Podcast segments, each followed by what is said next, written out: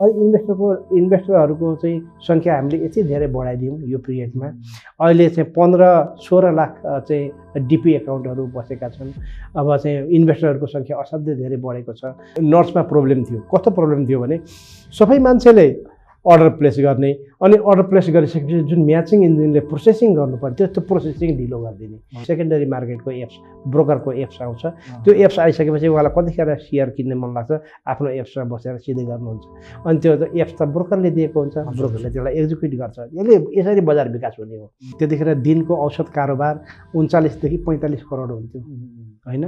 त्यहाँदेखि अहिले बढ्दै बढ्दै चाहिँ औसत कारोबारै अहिले पाँच अर्बको हाराहारीमा हुन्छ। पाँच अर्बको हाराहारीमा हुन्छ।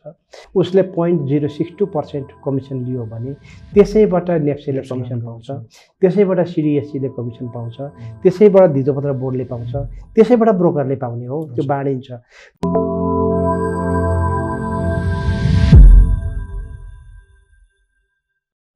Hey everyone, hope you are having an amazing time. And आजको यो पोडकास्टमा चाहिँ यो डिफ्रेन्ट रेगुलेटर्सहरूमध्येमा हाम्रो फाइनेन्सियल सिस्टम फाइनेन्सियल मार्केटमा जति पनि रेगुलेटरहरू छन् जस्तै नेपाल राष्ट्र ब्याङ्क भनौँ बिमा समिति भनौँ so among those different regulators आज चाहिँ मैले हाम्रो यो स्पेसिफिकल्ली चाहिँ क्यापिटल मार्केटको रेगुलेटर होइन securities board of Nepal so यो सेक्युरिटिज बोर्ड अफ नेपालको चाहिँ मैले हाम्रो अध्यक्ष सर अ, भीष्मराज ढुङ्गाना सर उहाँलाई चाहिँ मैले आज वेलकम गर्दैछु आजको मेरो पोडकास्टमा अनि आजको पोडकास्टमा चाहिँ हामी चाहिँ यो सेभनको जुन मेन एम भनौँ अथवा अब्जेक्टिभ भनौँ होइन कुनै एज अ रेगुलेटर उसले गर्ने भनेको चाहिँ मेनली चाहिँ तपाईँको कुनै पनि इन्भेस्टरको इन्ट्रेस्टको हितमा काम गर्ने त्यसपछि स्टक क्यापिटल मार्केटको डेभलपमेन्टको कुराहरू भयो। अनि plus capital मार्केटको regulation one of the major M one of the major objective सेभनको so यो तिनवटा विषयवस्तुमा रहेर यो तिनवटा विषयवस्तुभित्र चाहिँ अब के के कुराहरू भइरहेको छ कतिपय क्वेरिजहरू छन् हाम्रो अडियन्सहरूको सो त्यो सबै कुरालाई कलेक्सन गरेर मैले आजको यो पोडकास्ट चाहिँ म्यानेज गरेको छु। So first of all I would like to welcome my guest for today mister Bhishmaraj Dhungana sir sir uh नमस्ते very warm welcome to the program धन्यवाद। हजुर। तपाईँलाई पनि। हजुर सर. अ, अब भीष्मराज सरको कुरा गर्दाखेरि a man who needs no introduction होइन उहाँलाई नचिन्ने सायद कोही नै हुनुहुन्छ। सो अ, सर यो आजको प्रोग्राम स्टार्ट गर्दाखेरि मैले सानो हजुरलाई चाहिँ मेरो चाहिँ यो पोडकास्टको स्टार्टिङमा हजुरको ब्याकग्राउन्ड सम्बन्धी भनौँ हजुरको एउटा सानो इन्ट्रोडक्सन जस्तै क्यापिटल मार्केटतिर कसरी आइपुग्नु भयो पहिला कता कता हुनुहुन्थ्यो यो सबै कुराहरू यो सानो एउटा संक्षिप्तमा हाम्रो अडियन्सलाई सानो एउटा जानकारी एउटा गराइदिनु गराइदिनु भन्ने एउटा अनुरोध मैले सरलाई राखेँ अहिले। धन्यवाद। उहाँले भनिहाल्नु हो म विश्वनाथ ढुङ्गाना म अध्यक्ष अहिले धितोपत्र बोर्डको अङ्ग्रेजीमा सेवन भन्छ। मैले मेरो चाहिँ प्रोफेसनल क्यारियर चाहिँ सबैभन्दा पहिला मैले राष्ट्रिय वाणिज्य ब्याङ्कमा पाँच वर्ष काम गरेँ। मैले बयालिस सालदेखि छ्यालिस सालसम्म राष्ट्र ब्याङ्क के अरे वाणिज्य ब्याङ्कमा काम गरेँ। छ्यालिस सालदेखि म राष्ट्र ब्याङ्कमा आएको हो र मैले अहिले तिस वर्ष राष्ट्र ब्याङ्कमा काम गरेर त्यहाँबाट अवकाश भएको हो। र तिस वर्ष मैले राष्ट्र ब्याङ्कमा धेरैजसो चाहिँ पोलिसी फर्मुलेसनको कामहरू गरेँ। मैले चाहिँ bank and financial institution regulation department bank supervision department foreign exchange management department मा मैले धेरैजसो काम गरेँ र त्यस्तै फाइनेन्सियल म्यानेजमेन्ट डिपार्टमेन्ट र अरू केही अरू अपरेसनल अफिसहरूमा पनि काम गरिरहेको छु। हजुर हजुर। र मैले मैले चाहिँ मैले ग्रेजुएट चाहिँ मैले कमर्समा गरेको हो। त्यसपछि मैले त्रिभुवन युनिभर्सिटीबाट इकोनोमिक्समा एमए गरेँ। हजुर।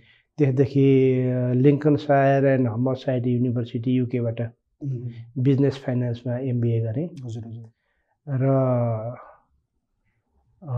अहिले चाहिँ अब खास गरी यो नेपालको क्यापिटल मार्केट लाई चाहिँ डेभलपमेन्ट गर्ने र यसका चाहिँ इन्स्टिट्युसनलहरू स्ट्रेन्थेन गर्ने यसको रिफर्म गर्ने। कामहरूको सन्दर्भमा मलाई धितोपत्र बोर्डमा नेपाल सरकारले क्याबिनेटले डिसिजन गरेर एपोइन्टमेन्ट। गरेको हो।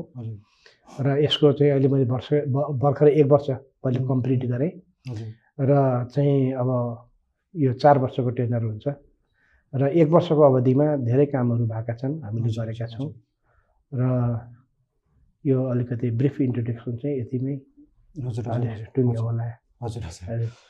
यो सरले अब यो सेभेनको कुरा गर्दाखेरि अब म टपिकमा डाइभ गरेँ सर अहिलेलाई अब सेभेनको कुरा गर्दाखेरि अब आजको दिनमा हेर्ने हो भने सर अब यो नयाँ रेकर्डका रेकर्डहरू चाहिँ मेन्टेन गरिरहेको कुरोहरू छ सर होइन मार्केटमा हामीले त्यही देखिरहेछौँ अब यो सन्दर्भमा छ नि सर जस्तै यसमा अब one of the major factor भनेको त हजुरको जस्तै इन्ट्रेस्ट रेट भनौँ ब्याङ्कको ब्याज दरहरू भनौँ यो डिफ्रेन्ट फ्याक्टरहरू र अब हाम्रो लिक्विडिटीको कारणले गर्दाखेरि डिफ्रेन्ट कारणले मार्केट माथि उचाइमा त गइरहेछ सर होइन।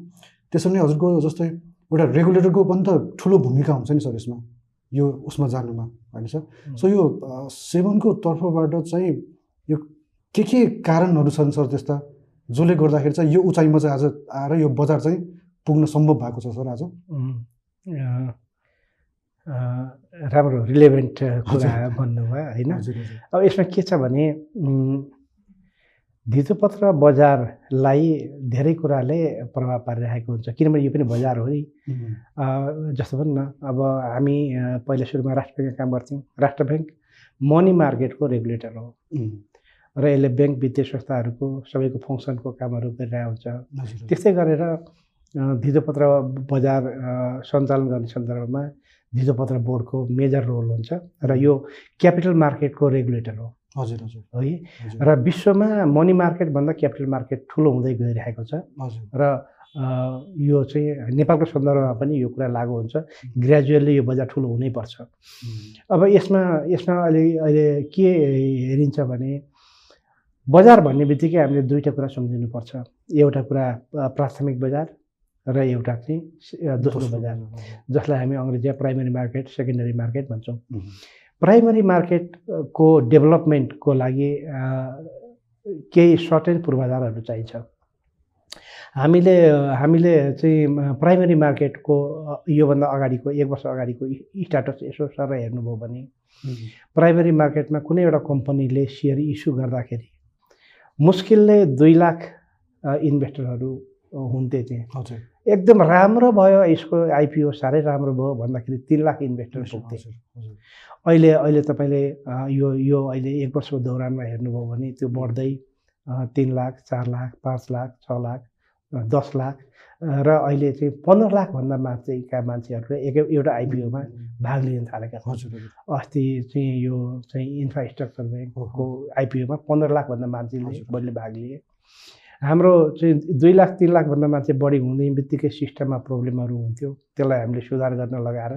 अहिले पन्ध्र लाख मान्छेहरूले एकैपल्ट भाग लिँदा पनि त्यसमा खासै समस्याहरू देखिया छैन।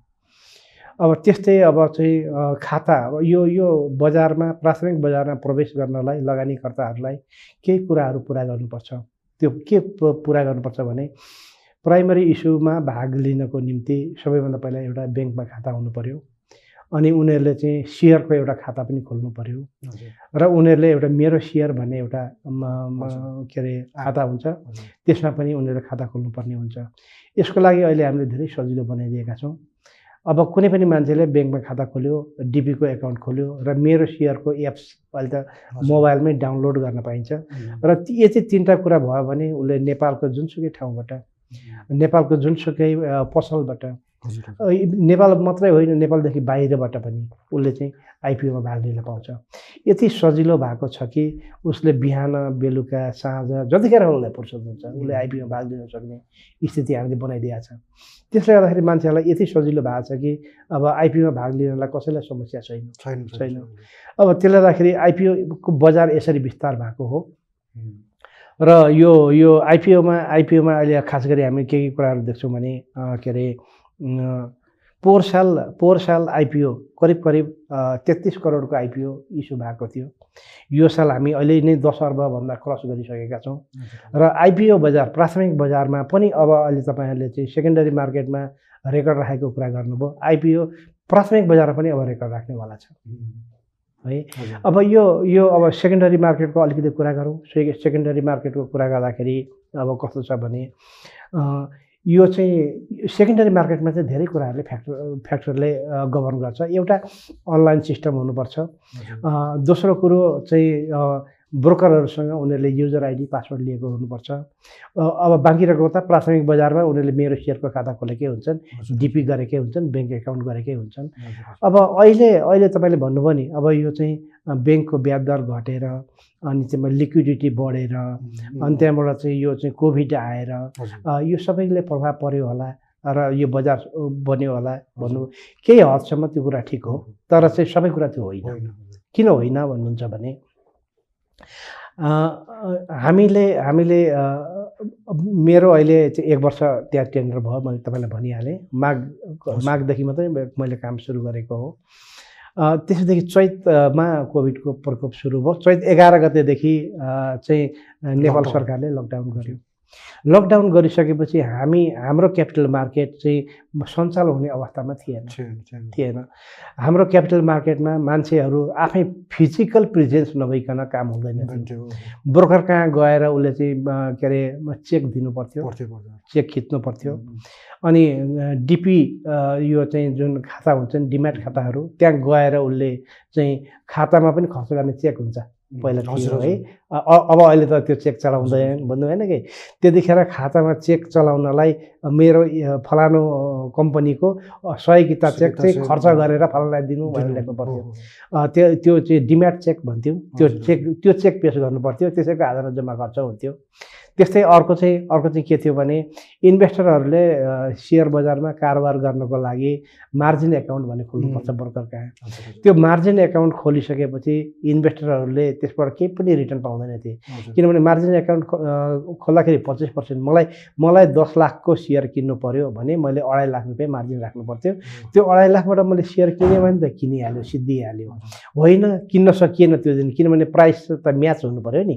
किन्न सकिएन भने त्यो पैसा ब्रोकरका त्यत्तिकै आइडल रहन्थ्यो। अनि हामीले के गर्यौँ भने यसले इन्भेस्टरहरूलाई इन्करेज गर्दैन।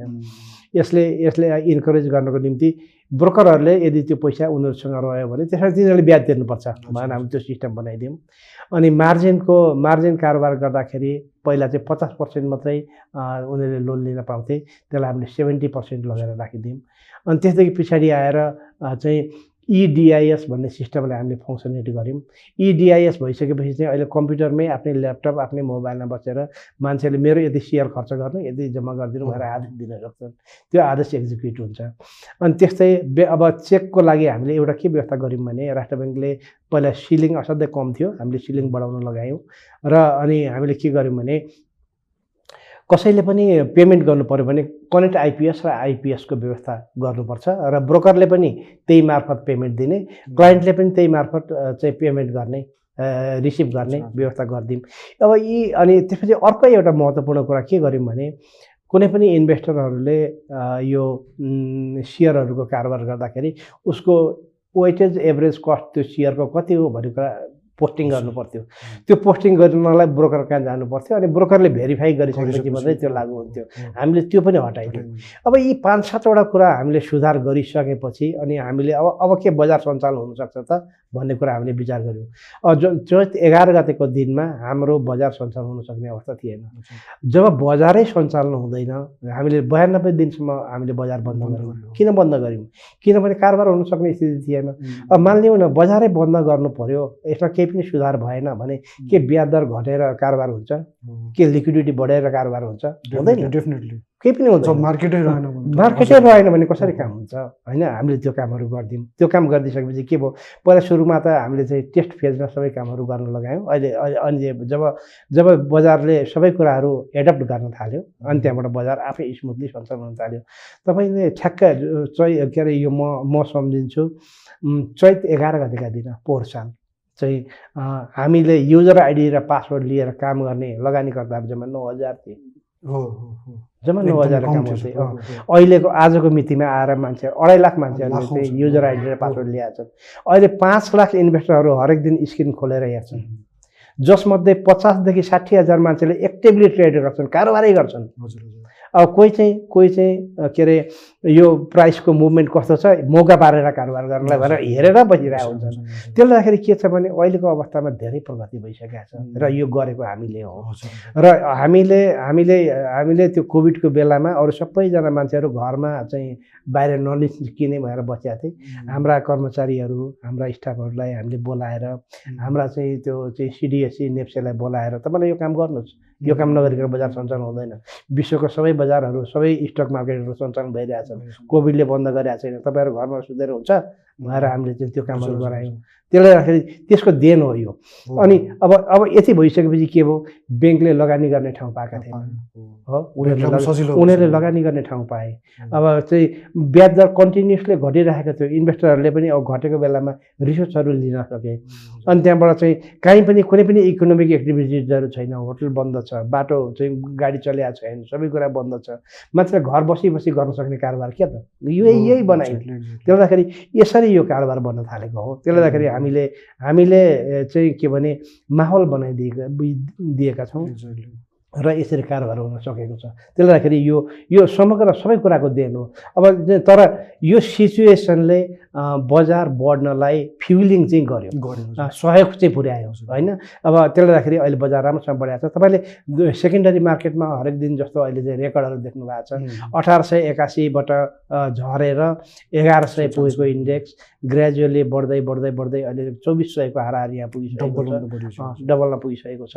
र चाहिँ के भने एउटा कुरा अहिलेको स्थितिमा के राम्रो छ भन्न भन्छु भने पहिला थोरै इन्भेस्टरहरू हुन्थे थोरै इन्भेस्टरहरूले उनीहरूले चाहे भने एक दिन मात्रै कारोबार गरिदिएन भने बजार डाउन हुन्थ्यो। उनीहरूले एक दिन मात्रै कारोबार गरे भने बजार अप हुन्थ्यो। बजारको बियरिस र बुल ट्रेन्डलाई चाहिँ तिनै मान्छेहरूले गभर्न गर्थे। भने अहिले के छ अहिले इन्भेस्टरको इन्भेस्टरहरूको चाहिँ सङ्ख्या हामीले यति धेरै बढाइदियौँ यो पिरियडमा। अहिले चाहिँ पन्ध्र सोह्र लाख चाहिँ डिपी एकाउन्टहरू बसेका छन्। अब चाहिँ इन्भेस्टरहरूको सङ्ख्या असाध्यै धेरै बढेको छ। लगानीकर्ताहरूको चाहिँ युजर आइडी र पासवर्ड बढाएको छ अहिले त सबैले थोर थोरै कारोबार गरे भने नै दुई तिन अर्बको कारोबार हुन्छ। अब होइन अलिकति बजार राम्रो भयो यो त ठिक छ भन्ने लाग्यो भने त उनीहरूले आफ्नो कारोबार बढाइदिने बित्तिकै त्यसको डबल हुन्छ छ अर्बको कारोबार हुन्छ। होइन कुनै घटनाले प्रभाव पार्यो भने नौ दस अर्बको कारोबार हुने बनाइदिउँ। त्यसले गर्दाखेरि अब पहिलेको जस्तो अवस्था छैन। बजारमा धेरै सुधार भइसकेको छ। बजारमा धेरै कन्फिडेन्सको लेभलहरू बढेको छ।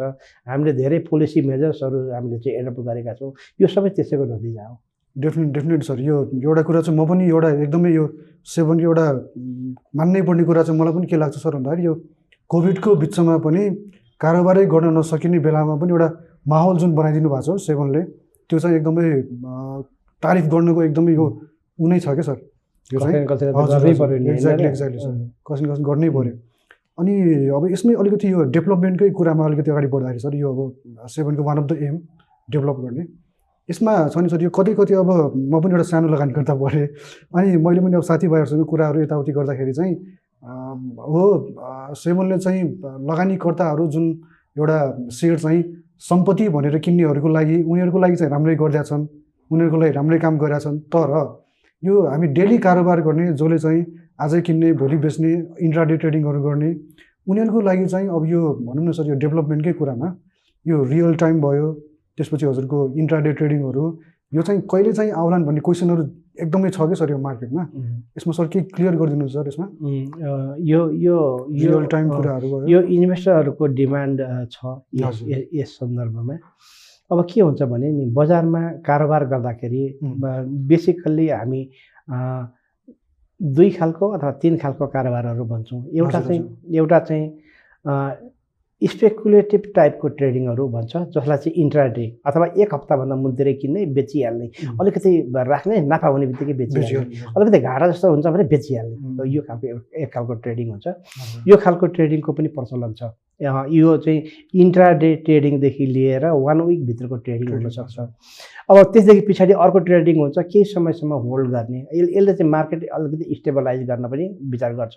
त्यो भनेको एक हप्ताभन्दा माथि एक वर्षभन्दा कमको के अरे सेयरहरू किनबेच गर्ने। त्यसदेखि पछाडि हुन्छ अर्को चाहिँ इन्भेस्टमेन्ट पर्पजको लागि जसले चाहिँ एकपल्ट किनिसकेपछि रिटर्न खाने बोनस यो चाहिँ डिभिडेन्ड बाँड्छ बोनसहरू दिन्छ। अनि त्यहाँबाट चाहिँ आफूलाई एउटा नियमित आम्दानीको स्रोतको रूपमा विकास गर्ने त्यसलाई चाहिँ इन्भेस्टमेन्ट पर्पज भन्छ। यो तिन खालको कारोबारहरू हुन्छ। अब यसमा यसमा चाहिँ सबैभन्दा पहिला अब चाहिँ इन्टरनेट ट्रेडिङ इन्टरनेट ट्रेडिङको लागि सबैभन्दा पहिला हाम्रो अनलाइन सिस्टम छ नि। अनलाइन सिस्टम चाहिँ अझै अझै विकास गर्नुपर्छ। अहिले हाम्रो अनलाइन सिस्टम त बनायौँ तर चाहिँ अनलाइन सिस्टम चाहिँ त्यति पर्फेक्टली काम गर्ने भइसकेको छैन। भनेको मतलब के हो भने आज हामी आज हामी कारोबार गर्छौँ। अब यो कारोबार गर्ने समय हुन्छ नि? यो समयलाई पनि हामीले स्प्लिट गर्न सक्छौँ। एउटा चाहिँ जस्तो भनौँ न बिहानको सिफ्टमा काम गर्ने अनि त्यहाँबाट बेलुकाको सिफ्टमा काम गर्ने। यो दुई खालको हुन्छ। बिहान किनेर बेलुका बेच्न पाइन्छ।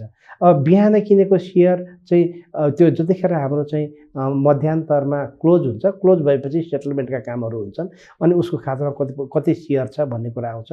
त्यो सेयर उसले बेलुका फेरि बेच्न पाउँछ। होइन? किनेर बेच्ने। अनि यस्तो खालको ट्रेडिङलाई फेसिलिटेट गर्नलाई इन्टरनेसनल प्र्याक्टिसहरू चाहिँ के छ भने यो अलिकति स्पेकुलेटिभ टाइपको पनि हुने भएकोले यसमा ट्याक्स रेटहरू पनि बढी लगाउने गरिरहेको छ। इन्डियामा इन्डियामा यसको ट्याक्स रेट चाहिँ पच्चिस तिस पर्सेन्टको हाराहारीमा छ। र यो जो इन्भेस्टमेन्ट पर्पजको लागि हो यो चाहिँ अलिकति कम हुन्छ यसको ट्याक्स रेट यसको लङ अलिक टर्म होल्ड। होल्ड गरेर गर्ने भएर यसमा ट्याक्स रेट पनि कम हुन्छ। हाम्रोमा जुनसुकै किसिमको कारोबार गरोस् ट्याक्स रेट एउटै छ। होइन? हाम्रो हाम्रोमा चाहिँ अहिले पाँच पर्सेन्टको ट्याक्स तिर्छन् होइन. त्यो अवस्था छ।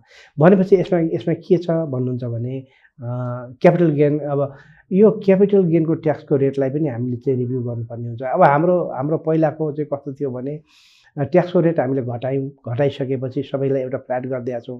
अब त्यो जुन इन्टरडे ट्रेडिङ गर्ने हो तिनीहरूको लागि बढाउनु पर्ने हुन्छ। त्यो बढाउँदाखेरि अहिले हाम्रो चाहिँ पोहोर साल मात्रै रिभ्यू भएको हो। अब यो साल चाहिँ अलिकति स्टेबल हुनलाई दिउँ इन्भेस्टरहरूलाई छोडिदिउँ भनेर हो। अब हामीले त्यो मेकानिजममा जाने भन्ने कुरा सोचेका छौँ र त्यो सोच्दाखेरि चाहिँ ट्याक्सको रेटहरू पनि हामीले चेन्ज गर्नुपर्ने हुन्छ। किनभने इन्टरडे ट्रेडिङको लागि ट्याक्सको रेट हाई हुन्छ। र अहिले अहिले यो अवस्थामा ट्याक्सको रेट बढाउँदाखेरि चाहिँ बढीभन्दा बढी मान्छेहरूले चाहिँ हामीले बजारमा बेनिफिट होस् हामीले चाहिँ राहतका प्रोग्रामहरू आउन् भन्ने कुरा मान्छेले सोचिरहेका हुन्छन्। हामीले गएर उतातिर ट्याक्स बढाइदिउँ भने त्यसले रा- राम्रो। इम्प्याक्ट पार्दैन। भनेर हामीले यसपालि नगरेको हो। र बजार विकास हुनलाई अहिले तपाईँले जसरी भन्नुभयो इन्टरडेको व्यवस्था इन्टरडे ट्रेडिङको व्यवस्था त्यसपछि चाहिँ ट्रेडिङको कारोबारहरू त्यसपछि इन्भेस्टमेन्ट मोटिभका कारोबारहरू यो तिनटैलाई विकास गरेर जानुपर्छ जसको लागि हामी अहिले सोचिरहेका छौँ। हजुर हजुर। अनि सर अब यो डेभलपमेन्टकै कुरामा जस्तै अब हजुरहरूले जुन यो अनलाइन कुराहरू ल्याउनु भयो यो धेरै विकास डेभलपमेन्ट त भएको छ सर होइन? यो कोभिडकै बिचमा भनौँ। अब यो यसमा कुरा गर्दाखेरि अब मैले पनि जुन ब्रोकरबाटै कारोबारहरू गर्छु उहाँ ब्रोकरहरूसँग पनि कुरा गर्दाखेरि चाहिँ उहाँहरूको एउटा वान अफ द मेजर मैले सुनिरहेको यो एकदमै जल्दो बल्छ कि सर इन्भेस्टरहरूको थ्रुबाट पनि यो जुन यो टिएमएसको कुरा आउँछ नि सर यसको कुरा आउँदाखेरि उहाँहरूको पनि कम्प्लेन के छ सर भन्दाखेरि यो टिएमएस भएन यो इन्टरनेसनल स्ट्यान्डर्ड अनुसार हुनु पऱ्यो यसको लागि अब हाम्रो सेभनको पक्षले पनि काम गर्नु पऱ्यो यताउति धेरै कुराहरू आउँछन् क्या सर यसमा. यो खास कुरा चाहिँ के हो सर यो टिएमएसको चाहिँ अब जस्तो पनि अब हामीले बुझ्नुपर्ने कुरा के हुन्छ। भने हामी ब्याङ्कमा गएर खाता खोल्छौँ. त्यो खाताको पैसा झिक्नु पऱ्यो झिक्नु पऱ्यो भने के हुन्छ भनेपछि हामी कि त चेक काटेर झिक्छौँ कि त एटिएम मेसिनबाट झिक्छौँ कि चाहिँ हामी चाहिँ क्युआर कोडबाट ट्रान्सफर गर्छौँ। अथवा अरू माध्यमबाट ट्रान्सफर गर्छौँ। त्यहाँ धेरै कम एजेन्सीहरूको इन्भल्भमेन्ट हुन्छ। ब्याङ्क अनि त्यहाँबाट क्लियरिङ र चाहिँ के अरे सफ्टवेयर सफ्टवेयर भेन्डरहरू। यो तिनवटाबाट मात्रै कारोबार हुन्छ। यो यो यो धितोपत्रको बजारमा चाहिँ त्यसभन्दा दुगुनाभन्दा बढी मान्छेको इन्भल्भमेन्ट हुन्छ। किनभने हेर्नुहोस् है सेयर खाताको लागि चाहिँ डिपीवाला चाहियो। अनि सेयरको क्लियरिङ गर्न चाहिँ सिडिएससी चाहियो। अनि त्यसदेखि पछाडि चाहिँ के भने केवाइसी भर्ने केवाइसीका मेकानिजमहरू चाहियो। त्यसपछि ब्याङ्कको पेमेन्टका कुराहरू चाहियो। त्यो अघि ब्याङ्कको पेमेन्ट जति चाहियो त्यो सबै इन्भल्भमेन्ट हुनु पऱ्यो त्यसदेखि पछाडि चाहिँ नट्स एउटा चाहिँ अनलाइन सिस्टम। ट्रेडिङ सिस्टम चाहियो।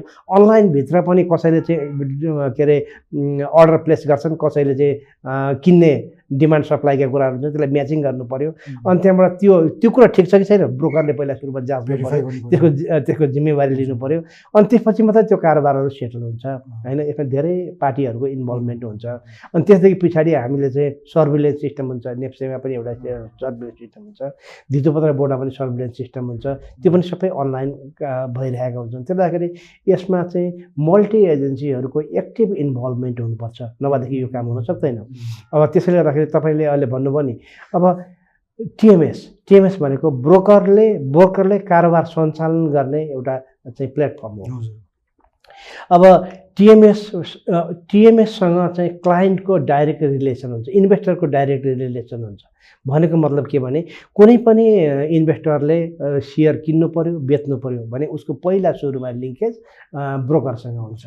अनि ब्रोकरले उसले गरेको कारोबार ठिक छ भन्ने कुरा चाहिँ उसले ब्रोकरले चाहिँ उसलाई चाहिँ अथोराइज गरिसकेपछि मात्रै उसले कारोबार गर्न पाउँछ नभएदेखि कारोबार गर्न सक्दैन कुनै पनि इन्भेस्टरले अब त्यो कारोबार गर्न गरिसकेपछि अनि त्यहाँबाट चाहिँ अनलाइन सिस्टममा गएर म्याचिङ इन्जिन भन्ने छ म्याचिङ इन्जिनमा कसैको डिमान्ड कसैको सप्लाई ठिक भयो प्राइस पनि मिल्यो क्वान्टिटी पनि मिल्यो भने अनि त्यो म्याचिङ हुन्छ। म्याचिङ भइसकेपछि अब त्यसको सेटलमेन्ट गराइदिनुलाई ब्रोकर कहाँ आउँछ?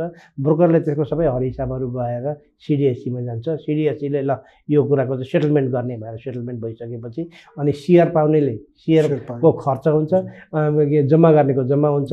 नगद पाउनेले चाहिँ न नगद तिर्नुपर्नेले कनेक्ट आइपिएसबाट नगद तिर्छ। पाउनुपर्नेले कनेक्ट आइपिएसबाट नगद नगद प्राप्त गर्छ। यो हो।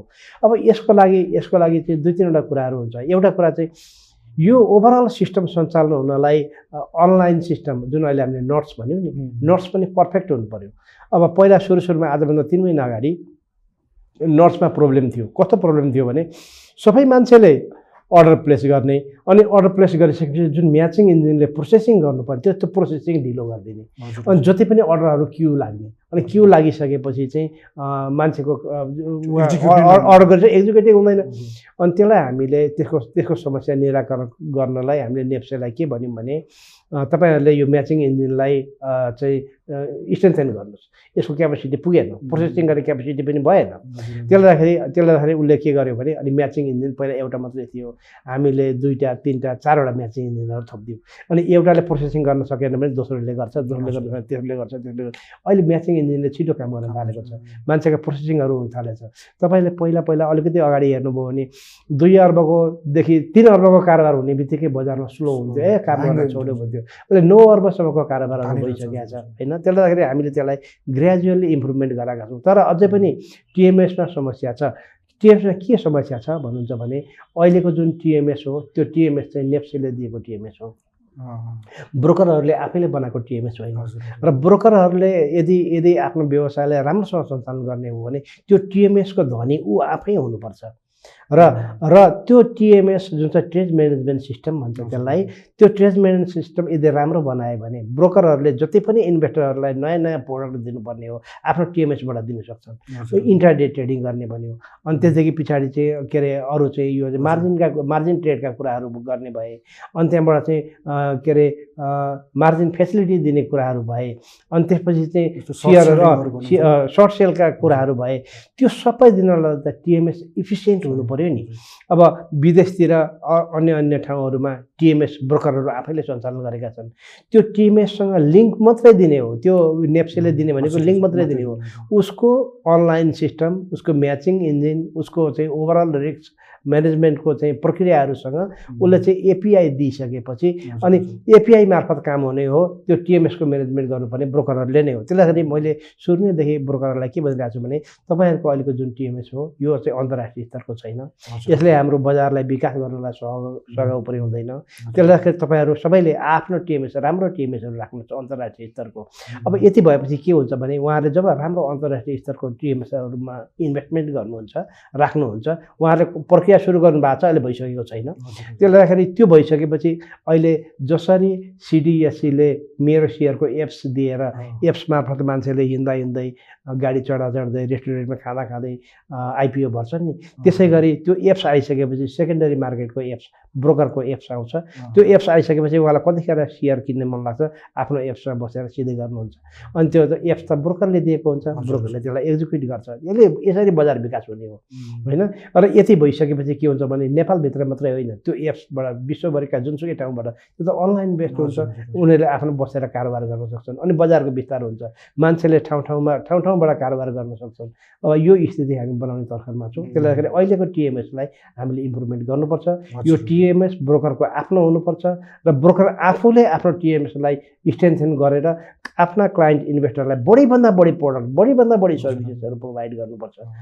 त्यो व्यवस्थामा हामी लागेका छौँ। हजुर हजुर। भनेपछि यो सबैको सेभनले मात्र होइन कि? अब हाम्रो ब्रोकरको साइडबाट पनि सर सबैजना एकजुट भएर यो डेभलपमेन्टमा लाग्नु पऱ्यो हो नि? त किनभने यो त कलेक्टिभ इफोर्ट हजुर। कलेक्टिभ कलेक्टिभ चाहिँ काम भयो भने मात्रै काम हुन्छ।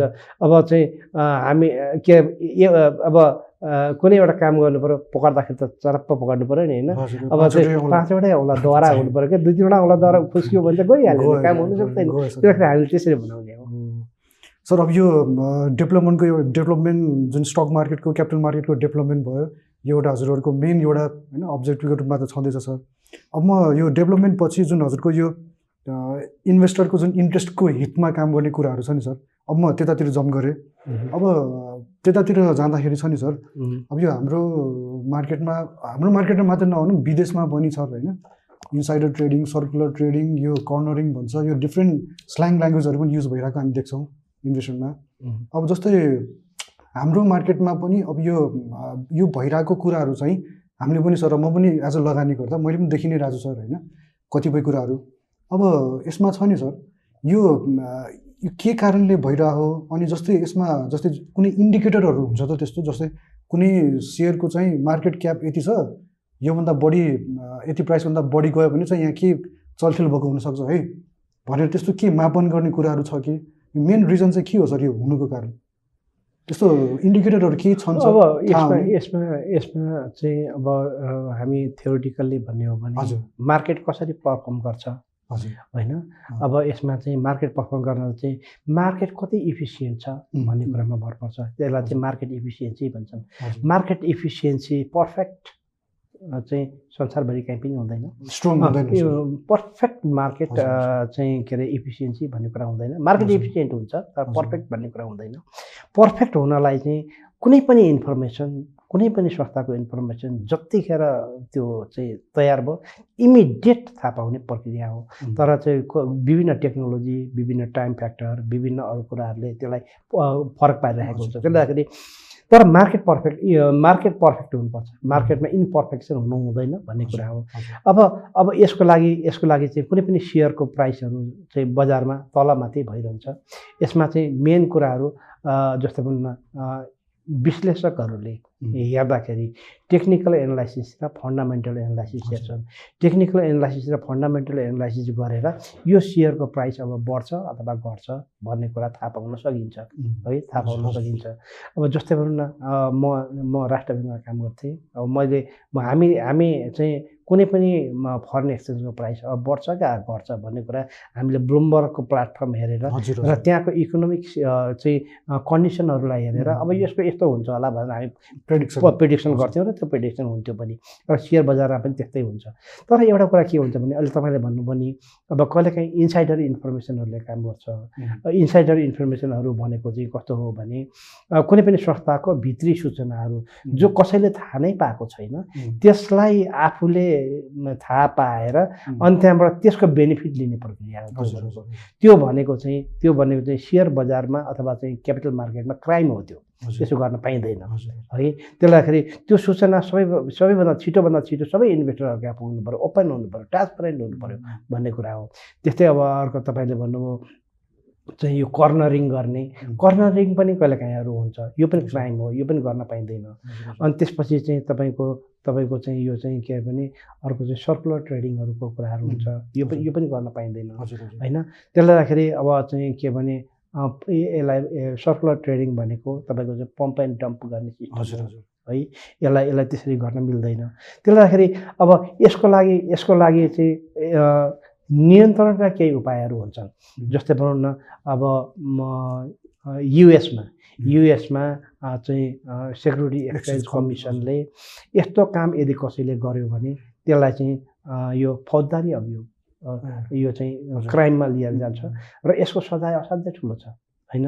अब हाम्रोमा हाम्रोमा चाहिँ यसलाई यसलाई मान्छेले ठुलो रूपमा लिएका छैनन्। किन लिएका छैनन् भने यो यो खालको बिहेभियर पहिलेदेखि नै थियो र हामीले हाम्रो नियम कानुन पनि अलिकति कडा छैनन्। र इन्साइडर ट्रेडिङलाई कन्ट्रोल गर्नको निम्ति हाम्रा चाहिँ नियम कानुनहरू पनि अहिले बन्न त बनेका छन्। यो इम्प्लिमेन्ट भइसकेका छैन। स्वीकृत भइसक्यो। कतिपय स्वीकृत भएका छन् कतिपय चाहिँ कम्प्लिट छैनन्। त्यसलाई यसलाई इम्प्लिमेन्टेसन गर्न सकि सकिरहेको छैन। र अर्को कुरा चाहिँ के छ भने सेभेन आफैको क्यापेसिटी पनि हो। सेभेन आफ्नो क्यापेसिटीले क्यापेसिटीमा पनि अलिकति कमजोर छ। किनभने कर्मचारीहरू थोरै छन् आइटी सिस्टम इन्स्टल भएको छैन। अब चाहिँ के अरे मार्केट सर्भिलेन्स र मार्केट इन्फोर्समेन्टका कुराहरू चाहिँ टेक्नोलोजी बेस्ड भएका छैनन्। म्यानुअल बेसमा बसेर अहिलेको कारोबार गर्न सकिँदैन। त्यसलाई त्यसलाई हामी अहिले ग्रेजुअल्ली ग्रेजुअल्ली चाहिँ यसलाई अगाडि लिएर जाने भन्ने पक्षमा काम गरिरहेका छौँ। अहिले भर्खरै हामीले यो साल मात्रै हाम्रा लाइसेन्स पाएका जति पनि संस्थाहरू छन् ती सबै संस्थाहरूले सबै कागजातहरू बोकेर लिएर गएर धितोपत्र बोर्डमा बुझाउँथे। मन्थली रिपोर्टिङहरू बुझाउनु पर्थ्यो क्वार्टरली रिपोर्टिङहरू इन्फर्मेसनहरू सबै डकुमेन्टेड बुझाउनु पर्थ्यो। अहिले हामीले इआरआरएस सिस्टम इन्स्टल गरेका छौँ। त्यो अहिले प्यारल रन भएको छ। त्यो कम्प्लिटली हामीले इम्प्लिमेन्टेसन गरिसकेपछि कसैले पनि कागजबाट अब चाहिँ बोर्डमा डकुमेन्टहरू पेस गर्नु पर्दैन। सबै अनलाइनबाट पेस गर्न सक्ने व्यवस्था हामीले तयार गर्दैछौँ।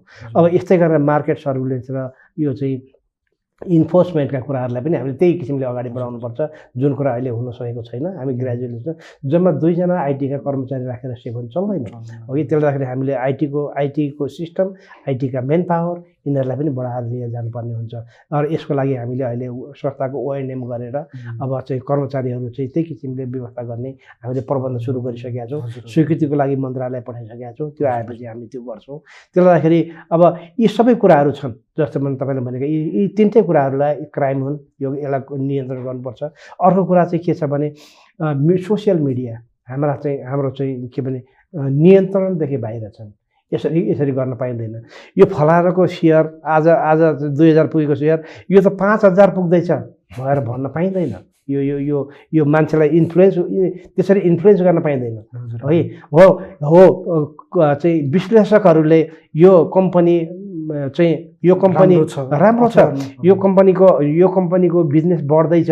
यो कम्पनीको चाहिँ यो साल चाहिँ विदेश दस लाख युनिट मात्रै दस लाख युनिट एक्सपोर्ट भइरहेको। यसले अर्को सालको लागि पचास लाख युनिटको अर्डर पायो। अब यसको चाहिँ प्रफिट बढ्छ। एनालाइसिसहरू कुनै पनि फ्याक्ट बेस्ड हुनुपर्छ। होइन?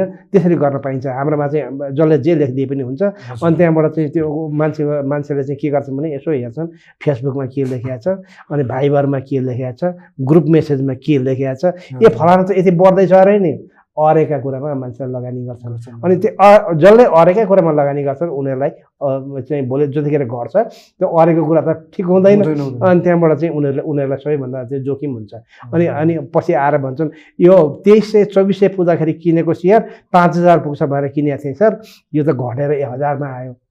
अरेका कुरामा गर्ने होइन नि त। त्यसले गर्दाखेरि इन्भेस्टरहरूमा चाहिँ यो लगानी गर्ने शिक्षा अथवा चाहिँ कुनै पनि कुराहरू हेर्दाखेरि कुनै पनि सेयरमा लगानी गर्दाखेरि के के कुरामा हामीले हेरेर लगानी गर्नुपर्छ भन्ने कुराको चाहिँ त्यो चेतना पनि कम छ।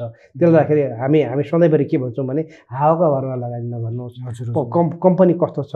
उसले हरेक वर्ष कति रिटर्न दिइरहेछ। अनि त्यहाँबाट चाहिँ उसको पी रेसियोहरू कस्तो छ? रेसियोहरू पनि अलिकति अध्ययन गर्नुहोस्। त्यसका सञ्चालकहरू कस्ता छन्? त्यसको बजार प्रोस्पेक्ट कस्तो छ? भनेर हेर्नुहोस् अनि त्यहाँबाट लगानी गर्नुहोस्। फाइनेन्सियल्सहरू रेडी छ कि छैन? फाइनेन्सियल्स जसले दिन सकेका छैन त्यसमा धेरै रिस्क हुन्छ। त्यस्तोमा लगानी नगर्नुहोस् भनेर हामी भन्ने गर्छौँ। त्यसदाखेरि यो समग्र बजारलाई प्रभाव पार्ने धेरै कुराहरू छन् जसलाई चाहिँ इन्भेस्टरहरूले पनि हेर्नुपर्छ। हामीले पनि स्ट्रेन्थन गर्दै लिएर जानुपर्छ र हाम्रा एजेन्सीहरूले पनि त्यसमा सुधार गर्दै लिएर जानुपर्छ।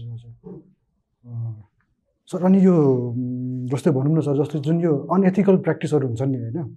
अब यिनीहरू भइसकेपछि लिइने एउटा जुन रियाक्टिभ मेजर्सहरू हुन्छन् होइन त्यो आफ्नो ठाउँमा छँदैछ सर अब त्यो रियाक्टिभ मेजर लिनु भनेको त ढिलो भइसक्यो सर होइन?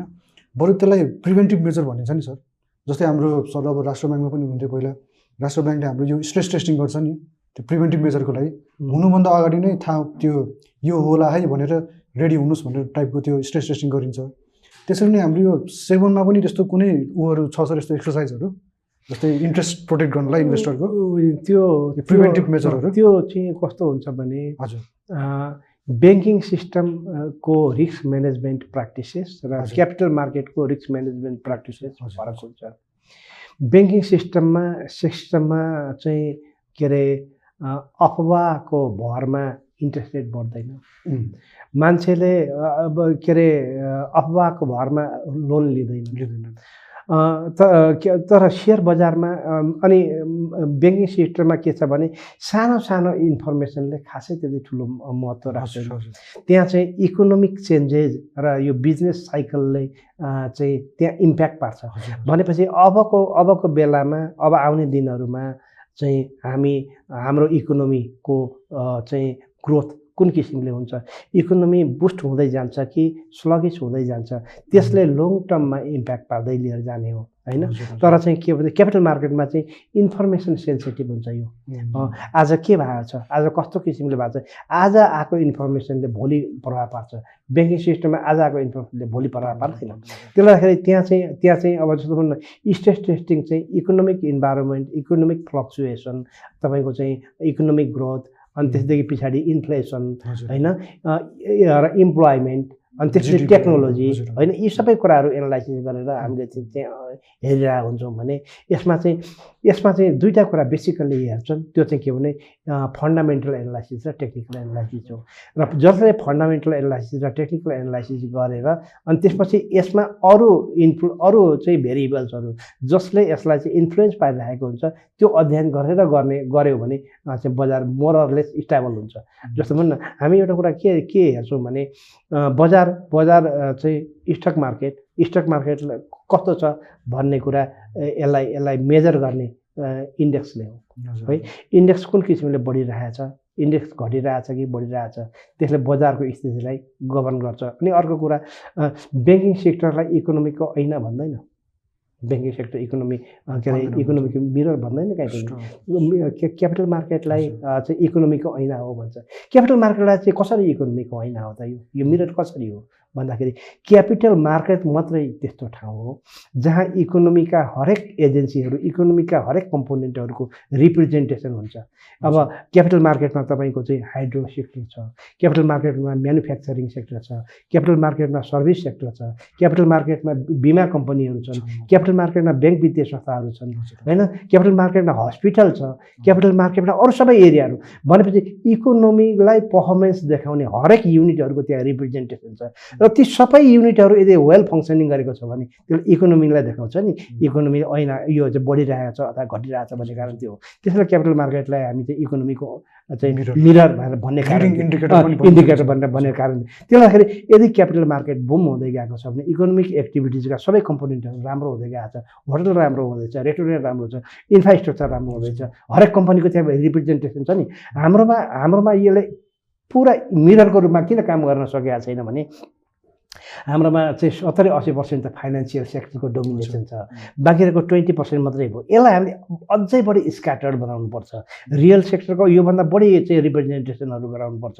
र अरू अरू कम्पोनेन्टहरू पनि आउनुपर्छ। हाम्रा हस्पिटलहरू आएका छ हस्पिटलहरूलाई पनि लिएर आउनुपर्छ। एयरलाइन्सहरूलाई पनि लिएर आउनुपर्छ। अरू सबै एरियाहरूलाई अनि यो मिरर हुँदै जान्छ है त्यो गर्ने हो। त्यसले गर्दाखेरि त्यसले गर्दाखेरि अरू एरियाभन्दा यो एरिया फरक छ। र यसलाई यसलाई हेर्ने यसलाई विश्लेषण गर्ने र चाहिँ यसका टेस्टिङ गर्ने उपायहरू चाहिँ फरक छन् जसलाई हामीले हरेक एङ्गलबाट टेस्ट गर्दै लिएर जानुपर्छ। र बेसिक कुरा भनेको चाहिँ टेक्निकल र फन्डामेन्टल एनालाइसिस चाहिँ हो। हजुर हजुर। सर अनि यो इन्भेस्टरको जुन इन्ट्रेस्टकै कुरा गर्दाखेरि सर अब यो मैले चाहिँ मेरै हाम्रो ब्रोकर साथीहरूबाट पनि मैले कतिपय कुराहरू मैले के सुनिरहेको छु सर भन्दाखेरि सेभनले चाहिँ अब यो कमिसन त घटाइदिनु भयो उहाँहरूले। इन्भेस्टरको लागि त राम्रै हो। अझै यसमा पनि हजुरको यो जुन यो नेप्सेमा जुन पाउने जुन उनीहरूको अझ पहिला पनि ट्वेन्टी नाइन थियो अरे अहिले पनि ट्वेन्टी नाइन छन् भन्ने त्यो क्वेरिजहरू आइरहेको छ सर। यसमा सर के छ सर खासमा यो ब्रोकरले यो किन भन्छन् यस्ता कुराहरू? यस्तो हो यस्तो हो। अब चाहिँ मैले सधैँ। एक हजार रुपियाँ आम्दानी गरिरहेको थिएँ भने हजुर कसैले भोलिदेखि आठ सय रुपियाँ मात्रै है भनौँ भने मलाई चित्त दुख्छ नि। हजुर है?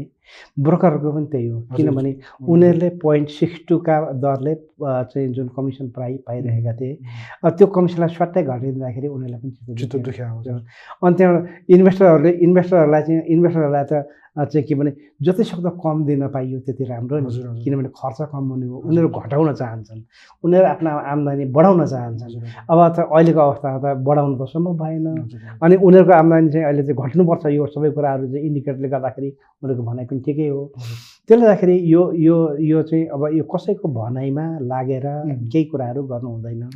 अब हामी रेगुलेटर हौ है। हामी। रेगुलेटर हो। हामी रेगुलेटर भनेको चाहिँ प्यारेन्ट हो। हाम्रो घरमा हामी आमा बुवा भनौँ न होइन आमा। बुवा हाम्रो बच्चा बच्चीहरू धेरैजना हुन्छन्। सबैलाई एकै किसिमले हेर्नुपर्छ हजुर, है। अनि त्यसले गर्दाखेरि यी जति पनि यी संस्थाहरू छन् ब्रोकर भन्नुहोस् नेप्से भन्नुहोस् सिडिएससी भन्नुहोस् क्रेडिट रेटिङ भन्नुहोस्। यी चाहिँ डिपीहरू भन्नुहोस् अब सिआसमा दिए यी हामीले लाइसेन्स दिएर सन्तान। संस्थाहरू, हजुर, है यी सबैले बजारमा यिनीहरूको सबैको आफ्नो रोल छ। र यिनीहरूको रोललाई यो रोलमा हामीले बनाएका नीतिले गर्दाखेरि यिनीहरूको फङ्सनिङमा पनि नराम्रो इम्प्याक्ट पर्नु भएन.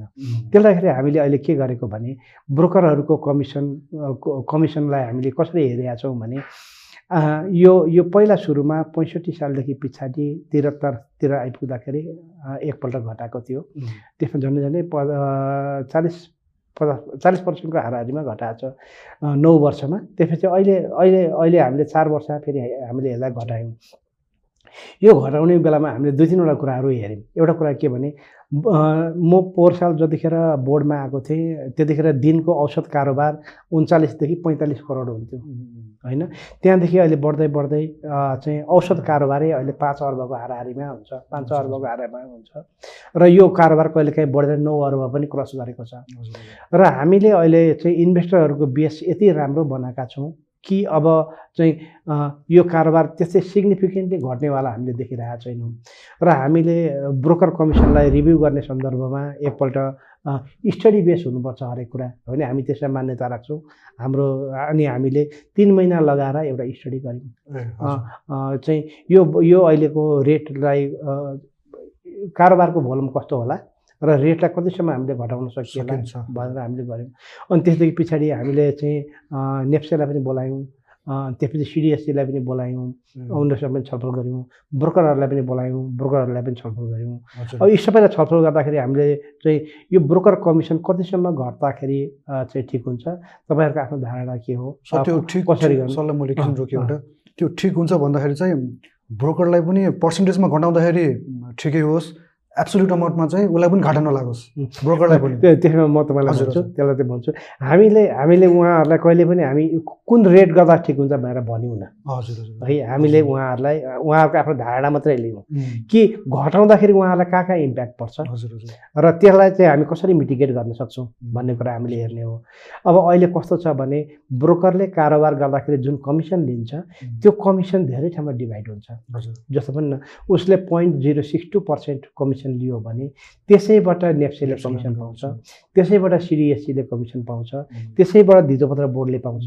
त्यसैबाट ब्रोकरले पाउने हो। त्यो हजुर। बाँडिन्छ। त्यसले गर्दाखेरि हामीले त्यो पोइन्ट सिक्स टूलाई झारेर चाहिँ पोइन्ट फोर टू बनायौँ। भने सबैको यी जति पनि अरू पाउने छ नि त स्रोतै घटेपछि त उनीहरूको पनि घट्यो नि। हजुर होइन?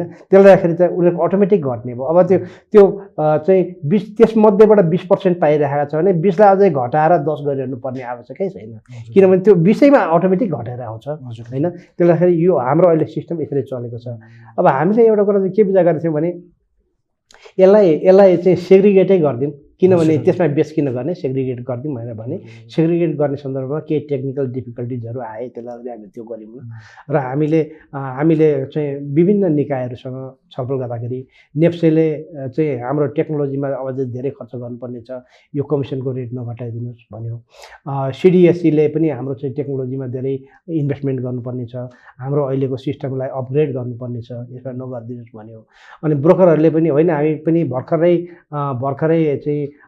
पोहोर साल देखिहाल्नु भएको छ चालिस पचास करोडको कारोबार हुन्थ्यो। बल्ल अहिले अर्बमा छुन लागेको छ। एक वर्ष पनि भएको छैन स्टेबल भएको छैन। यसलाई नघटाउँ यसलाई सकेसम्म चाहिँ घटाए पनि थोरै घटाउँ न नघटाउँ भन्ने कुराहरू आयो। अनि इन्भेस्टरहरूले चाहिँ होइन पहिला चाहिँ चालिस पचास करोडमा चाहिँ नाफा कमाएर बसेका ब्रोकरहरू नौ अर्बमा हुँदाखेरि कति गुणा बढ्यो हेरिदिनुहोस् तपाईँहरू यो चाहिँ नघटाइकन हुँदैन। अहिले त केही हुने के अरे मान्छेहरू पनि कम राख्नुपर्छ। टेक्नोलोजी आइसकेको छ अनलाइन भइसकेको छ। अब चाहिँ सबै कुराको खर्च घटिया खर्च छ। पनि अँ, घटाएको खर्च छ। घटिया छ। किन यसरी राख्ने? उहाँहरूको आफ्नो कुरा भयो। अनि यो सबै कुराहरू भइसकेपछि हामीले चाहिँ त्यसमा धेरै चाहिँ। स्टडी गऱ्यौँ स्टडी गरिसकेपछि इन्भेस्टरहरू के चाहन्थे चाहनुहुन्थ्यो भने जिरो पोइन्ट टू फाइभमा कमिसन रेट झरोस् भन्ने चाहनुहुन्थ्यो। ब्रोकरहरू चाहिँ जिरो पोइन्ट सिक्स टूबाट जिरो पोइन्ट फाइभसम्म फाइभ टूसम्म झरोस् त्यहाँबाट तल नझरोस् भन्नुहुन्थ्यो। अनि त्यहाँबाट नेप्सेहरू नेप्से सिडिएससीको चाहिँ हाम्रो इन्कम घट्ने भयो हामी टेक्नोलोजीमा कसरी अब इम्प्रुभमेन्ट गर्ने हो भन्ने उहाँलाई अर्को चिन्ता थियो। त्यसलाई हामीले सबै कुरा समय सापेक्ष कुराहरू अनि त्यसपछि चाहिँ अहिलेको वातावरण अनि त्यहाँबाट चाहिँ सबैको टेक्नोलोजीको डेभलपमेन्ट अहिलेको कारोबार सबै हेर्दाखेरि हामीले के एउटा अध्ययन गऱ्यौँ भने अन एन एभरेज डेढ अर्ब पर डेको कारोबार भयो भने ब्रोकरहरूलाई हामीले जुन रेट फिक्स गऱ्यौँ त्यो। रेटमा उहाँहरूलाई चाहिँ घाटा पर्ने स्थिति थिएन। भने करिब करिब ब्रेक इभनमा जाने र दुई अर्बको अन एन एभरेज कारोबार भयो भने ब्रोकरहरू पनि नाफा जाने स्थिति हामीले अध्ययनले। देखायो। त्यसलाई हामीले पनि के अनुमान गऱ्यौँ भने अहिले चाहिँ चार पाँच अर्बको कारोबार भइरहेछ। यो टेम्पोररी फेनोमिनन पनि हुनसक्छ। तर अन एभरेज अहिलेको हामीले जुन इन्भेस्टमेन्ट इन्भेस्टरहरूको बेस बनायौँ त्यो बेस चाहिँ दुई अर्बभन्दा कारोबार अब नघट्ला अबका दिनहरूमा भन्ने हामीको स्टडीले देखायो। त्यो देखाएपछि अनि हामीले चाहिँ मसिना लगानीकर्ताहरूलाई बढी बजारमा प्रवेश गराउने हिसाबले मसिना लगानीकर्ताहरूले जसले दस किता पन्ध्र किता सेयरको कारोबार। गर्थे उनीहरूको कमिसन रेटमा मा चाहिँ सिक्सटी पर्सेन्टले घटाइदिउँ है? अनि जेनरल पब्लिकको लागि अरू चाहिँ एक तिहाई तेत्तिस पर्सेन्टले। घटाइदिउँ अनि ऋणपत्रको कारोबार गर्नेहरूको लागि फिफ्टी पर्सेन्ट 50% घटाइदिउँ होइन? त्यसले गर्दाखेरि हामीले जे जति अहिले गरेको छौँ त्यो पर्फेक्ट छ स्टडी बेस छ। र यसमा चाहिँ यो भएन ऊ भएन भएर भन्ने होइन। अब यसलाई कमसे कम पनि हामीले एडप्ट गरेर बजारलाई अझै विकास गरेर लिएर जानुपर्छ। त्यस हामीले जे गरेका छौँ त्यो ठिक गरिरहेको साइन्टिफिक छ। छ। साइन्टिफिक छ र ठिक छ। ठिक छ। सर अनि यो अब यो हाम्रो अब यो इन्भेस्टरको इन्ट्रेस्टकै कुरा गर्दाखेरि सर होइन यो कतिपय यो क्वेसन के आउँछ सर भन्दाखेरि बरु यो ब्याङ्कलाई पनि ब्रोकर दिइदिएको भए चाहिँ काम गर्न पनि सजिलो हुने अनि त्यसपछि अ, अलिक कम्पिटिसन भइसकेपछि उनीहरूको कमिसन पनि अझै घटाउन सकिने हो कि? त्यो गरेपछि लगानीकर्ताहरू पनि ब्याङ्कबाट पनि सर्भिस युटिलाइज गर्न पाएपछि लगानीकर्ताहरू पनि अझै नयाँ थपिने हो कि भन्ने कुराहरू आउँछन् सर। यो ब्याङ्कलाई ब्रोकर दिने चाहिँ खास कुरा के छ सर यसमा? होइन यो यसो हो। डिमान्ड जसले जेसुकै पनि गर्न पाइन्छ। हजुर हजुर। तपाईँले पनि गर मलाई पनि ब्रोकर लाइसेन्स दिनु पऱ्यो ती पचास हजारले हजुर। गर्नुहुने मैले गर्न नहुने के छ। तपाईँ भन्ने अधिकार छ? हजुर अनि ब्याङ्क- ब्याङ्कहरूले पनि अब चाहिँ के अरे मैले पनि त ब्रोकर काम। गर्दा के फरक पर्छ? ब्याङ्कले पनि भन्ने ब्याङ्क इन्सुरेन्स गरेकै छु। ब्याङ्क इन्सुरेन्स गरेको छु। माइक्रो पनि गरेकै छु। अनि त्यहाँबाट इन्सुरेन्स पनि गरेकै छु। ब्याङ्किङ बिजनेस पनि गरेकै छु। अनि त्यसदेखि पछाडि आएर चाहिँ यो के अरे ब्याङ्किङ के अरे क्लियरिङको पनि गरेकै छु। यो धेरै कुराहरू ब्या- ब्याङ्कले माग मागिरहेछ र यो गरिरह गरि पनि रहेछ तर एउटा कुरा के हुन्छ भने नि म त राष्ट्र ब्याङ्कमा पनि काम हजुर। भित्तपत्र बोर्डमा पनि छु हामीले कुनै पनि कुराहरू हतारमा त्यत्तिकै गर्नु हुँदैन ब्याङ्कहरू ब्याङ्कहरू आफ्नो एउटा विशेष काम गर्नको लागि स्थापना भएको हजुर हो। निक्षेपको काम गर्नुपर्छ ब्याङ्कहरूले कर्जाको काम गर्नुपर्छ ब्याङ्कले ब्याङ्किङ बिजनेस गर्नुपर्छ। अहिले उनीहरू कर्जा निक्षेप र ब्याङ्किङ बिजनेसमै पोख्त भइसकेका छैनन्। अहिले सबै प्रदेशमा उनीहरू आफ्नो उपस्थिति गर्नलाई दुई वर्ष तिन वर्षदेखि लागि लागेछ अझै पनि त्यो। कम्प्लिट भइसकेको छैन। त्यसले गर्दाखेरि हामीले अझै पनि ब्याङ्किङको आफ्नो एरियामा क्यापेसिटी बढाइदिनु पर्ने हो कि एउटा त्यो कुरा पनि सोच्नुपर्छ। दोस्रो कुरा चाहिँ अब चाहिँ जस्तो भनौँ न ब्याङ्क ब्याङ्कले ब्याङ्कलाई ब्रोकर लाइसेन्स चाहिँ दिने समय चाहिँ आजभन्दा चार पाँच वर्ष अगाडि नै थियो। जतिखेर प्रमाणपत्र लिएर मान्छेले हिँड्थे नि त्यो- त्यतिखेर चाहिँ प्रमाणपत्र लिएर गएर ब्याङ्कमा गएर यो मेरो प्रमाणपत्र किनिदिनु बेचिदिनु भन्नलाई हुन्थ्यो। अब हामी अब चाहिँ कुन युगमा गइरहेछौँ भने हामी अब डिजिटाइजेसनमा जाने भनिरहेछौँ हामी अब प्रविधिसँग एडप्ट भएर गइरहेछौँ अब अहिले तपाईँले भन्नु न मेरो सेयरको लागि कसैसँग भर पर्नुपर्छ? तपाईँले मोबाइलबाट आफूले सबै कुराहरू गर्न सक्नुहुन्छ। अब त्यस्तै हामी सेकेन्डरी मार्केटलाई पनि त्यस्तै बनाउँदैछौँ। अब भनेको मतलब के हो भने अब त कसैको भ नै चाहिँदैन। अब त हामी त प्रविधिसँग जाने हो। म तपाईँलाई एउटा कुरा भनौँ हामी अब कुन किसिमले डेभलप भएर गइरहेका छौँ भन्ने कुरा हामी विचार गर्नुपर्छ। अब आजभन्दा आजभन्दा चार पाँच वर्ष अगाडि हामी के भन्थ्यौँ ब्याङ्कलाई? तिमीहरू एटिएमहरू राख एटिएम मेसिन ठाउँ ठाउँमा राख्नुपर्छ। मान्छेले पैसा लिन र तिम्रो काउन्टरमा जाने हो र हुँदैन। अन्त पहिला पहिला त त्योभन्दा पनि अगाडिको स्टेज थियो। मान्छे आउँथे ब्याङ्कमा चेक लिएर चेक दिएपछि टोकन पाउँथे टोकन दिएपछि चिया खान हिँड्थे। अनि बजार तिहार चार चक्कर लगाइसकेपछि अनि त्यहाँ त्यो चेकको पैसा रेडी हुन्थ्यो अनि आएर लिएर जान्थे त्यो पनि जमाना थियो। त्योबाट अहिले हामीले कहाँ कहाँ लग्यौँ भन्दाखेरि चेक दिने बित्तिकै पैसा पाउने बनायौँ। दोस्रो दोस्रो स्टेज। तेस्रो स्टेज अब त त्यहाँ त्यहाँ नजाने। अब एटिएममा कार्ड लिने कार्डबाट छिराएर छुट्टा पैसा ल्याउने। अब हामीले त्यो बनायौँ। अब अब अब हामी कुन जमानामा जाँदैछौँ? अब हामी पैसा नलिने। हामी पैसा नचुने। हजुर। है? अब हामी मोबाइलमा क्युआर कोड राख्ने। अनि जहाँ जहाँ पेमेन्ट दिनुपर्ने छ त्यसलाई यस्तो लगाएर चाहिँ त्यो देखाइदिने उसले खुर्रै पैसा काटिदिइहाल्छ सिधै।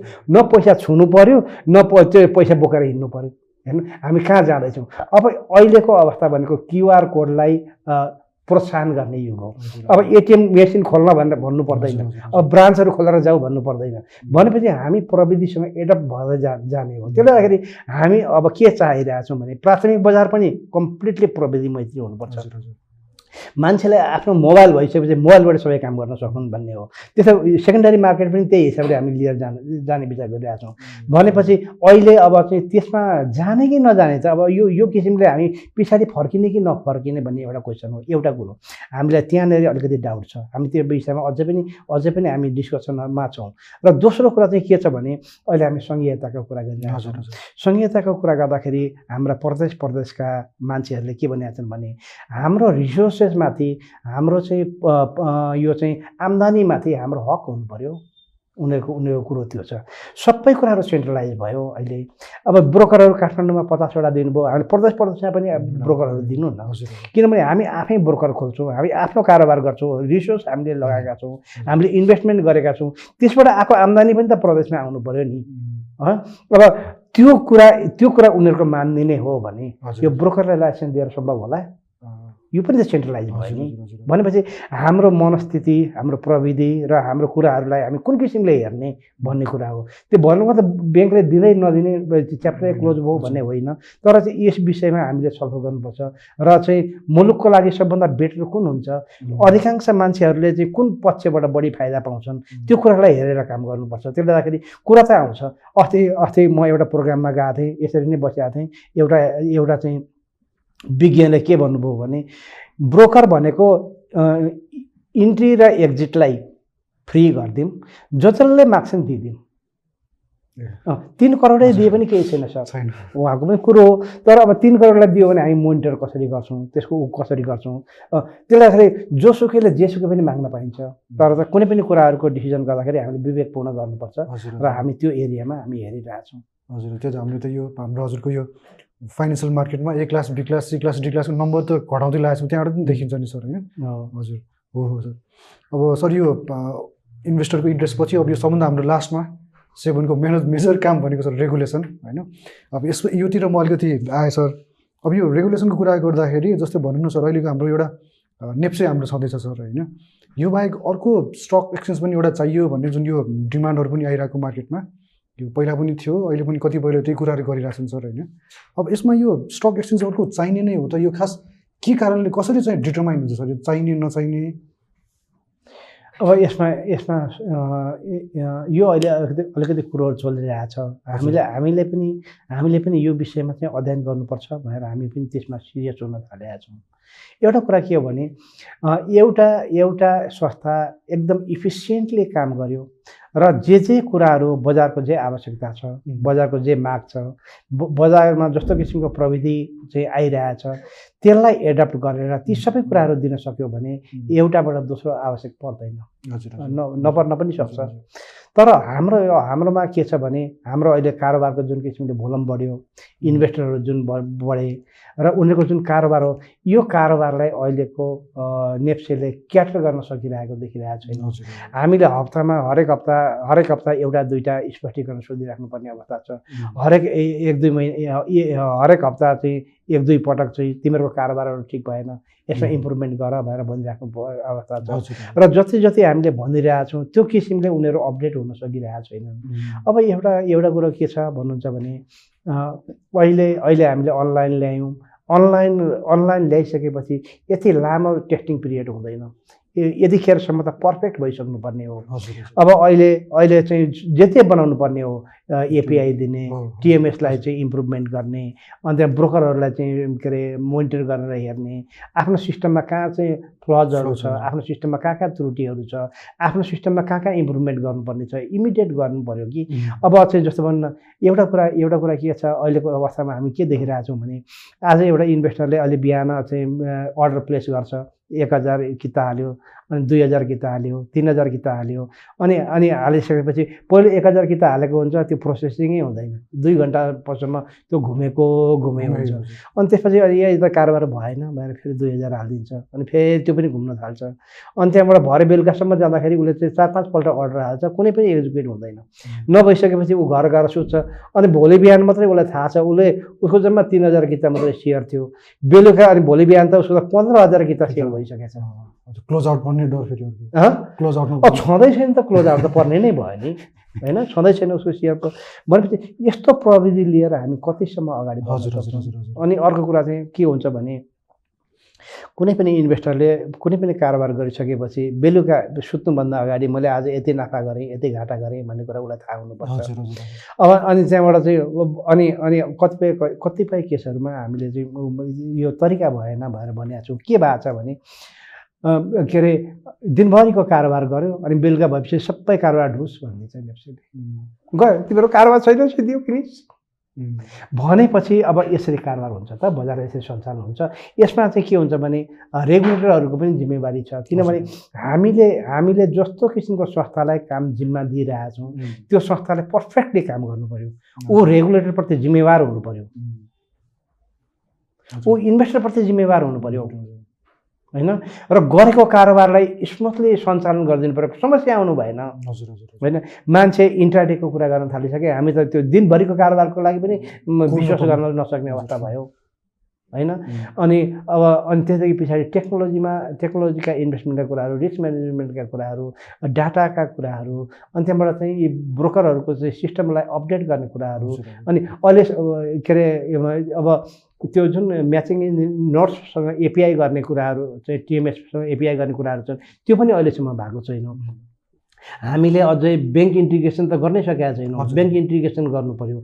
डिपी खातासँग रियल टाइममा इन्टिग्रेसन हुनु पर्यो। यो गर्ने गराउने काम पनि नेप्सेको हो।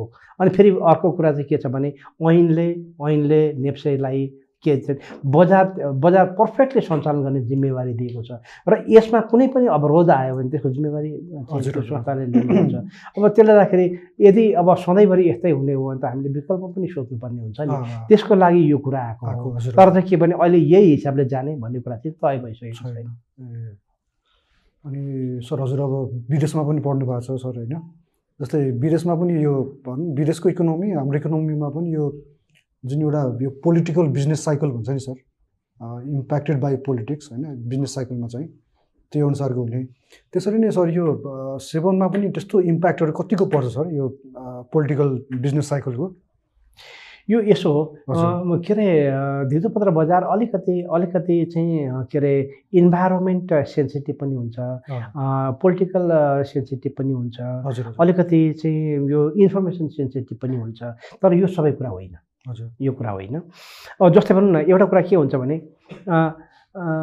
खाडीमा युद्ध हुने भयो हजुर। भने फरेन करेन्सीको रेटहरूमा चेन्जेस आउँछ। बुझ्नु भएन कि? अब कुनै अमेरिकामा अमेरिकामा इम्प्लोइमेन्ट रेट चाहिँ के अरे अनइम्प्लोइमेन्ट रेट स्वाट्टै घट्यो। हजुर भने त्यहाँको करेन्सी दरो हुँदै जान्छ। हजुर अब कुनै कुनै इकोनोमीको एक्सपोर्ट इम्पोर्टमा एक्सपोर्टको कम्पोनेन्ट असाध्यै धेरै बढ्यो इम्पोर्ट घट्यो र चाहिँ बिओपी सर्प्लस एकदमै राम्रो हुँदै भयो भने त्यसको करेन्सी बलियो हुँदै जान्छ। हजुर है यो यो सेयर बजारमा पनि त्यस्तै हो। के हुन्छ भने मार्केट जहिले पनि इन्भेस्टरहरू चाहिँ मार्केटप्रति कन्फिडेन्स हुनुपर्छ र मार्केटमा उनीहरूले कन्फिडेन्स डेभलप गर्यो भने त्यो बजारमा जस्तोसुकै जेसुकै पनि केही पनि फरक पर्दैन। हजुर त्यसले गर्दाखेरि कन्फिडेन्सको लेभलको हो। तर हाम्रोमा चाहिँ के छ भने हावाको भरमा कुरा हुन्छ। अनि एउटाले एउटा कुरा भनिदियो भने त्यसैको पछाडि लायर गर्छ। त्यो कुरो चाहिँ राम्रो होइन। र त्यसले त्यसले बजारलाई प्रभाव पार्नु हुँदैन। नभएदेखि एकजना मान्छे आउँदैमा अथवा चाहिँ मान्छे जाँदैमा केही पनि फरक पर्दैन। तर के भने त्यो मान्छेले ल्याउने पोलिसी त्यो मान्छेले दिने कुराहरू त्यो मान्छे इनपुटका कुराहरूले चाहिँ प्रभाव पर्छ। त्यसले चाहिँ इन्भेस्टरहरूको कन्फिडेन्स बिल्डअप गर्नलाई सहयोग पुर्याउँछ त्यही त सर हामी कहाँ यो कस्तो छ भन्दाखेरि हाम्रो इकोनोमिक पोलिसीले के भनेको छ के गराएको छ भन्दा पनि त्यो पर्टिकुलर ठाउँमा को मान्छे आइपुग्यो त त्यो तरिकाले चाहिँ मार्केट चाहिँ ड्राइभ भएको देखिन्छ सर कहाँ होइन। मान्छेले होइन त्यो। मान्छेले ल्याउने पोलिसीहरूले त्यो मान्छेको भिजनले त्यो। मान्छेको चाहिँ प्रोग्रामहरू अथवा बजारप्रतिको धारणाले चाहिँ के प्रभाव पार्छ। तर चाहिँ के भने यो मान्छे आउँदैमा बिग्रिने यो मान्छे आउँदैन नबिग्रिने भन्ने चाहिँ हुँदैन। सर अब यो लास्टमा यो अब रेगुलेसनको कुरा गर्दाखेरि लास्टमा सर एउटा अब हाम्रो सर फरेन एक्सचेन्जमै बस्नु भएको छ त्यो होइन? अब यो जुन हाम्रो इन्डियासँगको पेक्ड एक्सचेन्ज रेट भयो अनि यो यसमा थ्योरीहरू जुन विभिन्न इम्पोसिबल ट्रिनिटीकोहरूको कुराहरू आउँछ सर होइन? यो सबै हेर्दाखेरि छ नि सर होइन? हाम्रो अब यो फरेनरलाई हाम्रो सेयर मार्केटमा लगानी गर्न दिँदा के होला सर? बेटर होला राम्रो होला? किन भन्दाखेरि अब यो अहिले मैले अलिक स्टडी गर्दाखेरि हाम्रो अहिलेको इकोनोमी चाहिँ पुरानो सेभेन्टिजको इकोनोमीभन्दा धेरै फरक भइसक्यो। मनी सप्लाईले इन्फ्लेसन ड्राइभ गर्दैन भन्ने धारणाहरू पनि यो इन्टरनेसनल इकोनोमिस्टहरूले दिन थालेछ नि सर अहिले सो हजुरको अहिले करेन्ट कन्टेक्स्टमा चाहिँ फरेनरलाई लगानी गर्न दिँदा बेटर के होला सर हजुरको धारणा के छ अब? यो यो फरेन एक्सचेन्जको बारेमा मैले धेरै स्टडीहरू गरेको छु। है यो फरेन एक्सचेन्जको एरियाको बारेमा मलाई त्यो कुराहरू थाहा छ तर अहिले म रिलेभेन्ट मान्छे हजुर होइन त्यसलाई यसमा नभनौँ अब जहाँसम्म तपाईँले भन्नुभएको छ यो चाहिँ क्यापिटल मार्केटमा। नेपालको क्यापिटल मार्केटमा विदेशीहरूलाई लगानी। लगानी गर्न छुट दिँदाखेरि के होला त? हजुर हजुर। यसले त विदेशबाट रिसोर्सेसहरू आउने नै हो। उनीहरूले पैसा लिएर आउँछन् विदेशी मुद्रा आउँछ होइन? मुलुकको चाहिँ इकोनोमिक एक्टिभिटी। राम्रै होला भन्ने कुरा हो। त्यो केही हदसम्म सही पनि हो? हाम्रोमा अहिले अहिले अरू कुरामा अरू कुरामा त्यस्तो छैन। हामीले अलिअलि अलिअलि गर्दै खोल्दै लगेका छौँ। अब क्यापिटल मार्केटमा अहिले तपाईँले हेर्नुभयो भने एनआरएनहरूलाई एनआरएनहरू जो एनआरएन पनि दुई खालका हुन्छन् क्या। एउटा चाहिँ नेपाली नागरिकता भएको एनआरएन हजुर। र एउटा चाहिँ नेपाली नागरिकता नभएको एनआरएन एनआरएन दुइटा हुन्छ। नेपाली नागरिकता भएको एनआरएनलाई त सबै कुरा खुल्ला छ केही प्रब्लम भएन। नेपाली नागरिकता नभएको एनआरएनहरूको लागि चाहिँ हामीले अहिले पोर्टफोलियो म्यानेजमेन्ट जुन यो मर्चेन्ट ब्याङ्करहरूले गर्छन् त्यसमा उनीहरूले पैसा ल्याएर लगानी गरेर उनीहरूले चाहिँ इन्भेस्टमेन्ट गरेर पछि आम्दानी गरेपछि लिएर जान सक्छन्। त्यसको त्यो ओपन छ त्यो हामीले खोल खोलिदिइसक्यौँ दोस्रो कुरो हामीले चाहिँ पिबिसी भन्ने हुन्छ प्राइभेट इक्विटी भेन्चर क्यापिटल। त्यसमा विदेशीहरूले लगानी गर्न सक्ने हामीले वातावरण बनाइसक्यौँ। त्यो पनि गर्न सक्यौँ। अब एउटा तिनीहरूले डाइरेक्टली सेकेन्डरी मार्केटमा। सेयर किन्ने र बेच्ने कुरालाई चाहिँ कसरी नियन्त्रण गर्ने अथवा कसरी व्यवस्थित गर्ने भन्ने सन्दर्भमा अहिले हामी अध्ययन गर्दैछौँ। त्यो कुरा त्यो कुरामा के चाहिन्छ। एउटा समस्या चाहिँ कहाँ छ भन्नुहुन्छ भने नि जस्तै भनौँ न अब म म चाहिँ त्यहाँ धितोपत्र बोर्डमा आउँदाखेरि त्यतिखेरको इन्डेक्स कति थियो? बाह्र सय बाह्र सय। बाह्रमा इन्डेक्स थियो। त्यतिखेर टोटल मार्केट क्यापिटलाइजेसन कति थियो? सोह्र अर्ब सोह्र खर्ब खर्ब। सोह्र खर्ब थियो।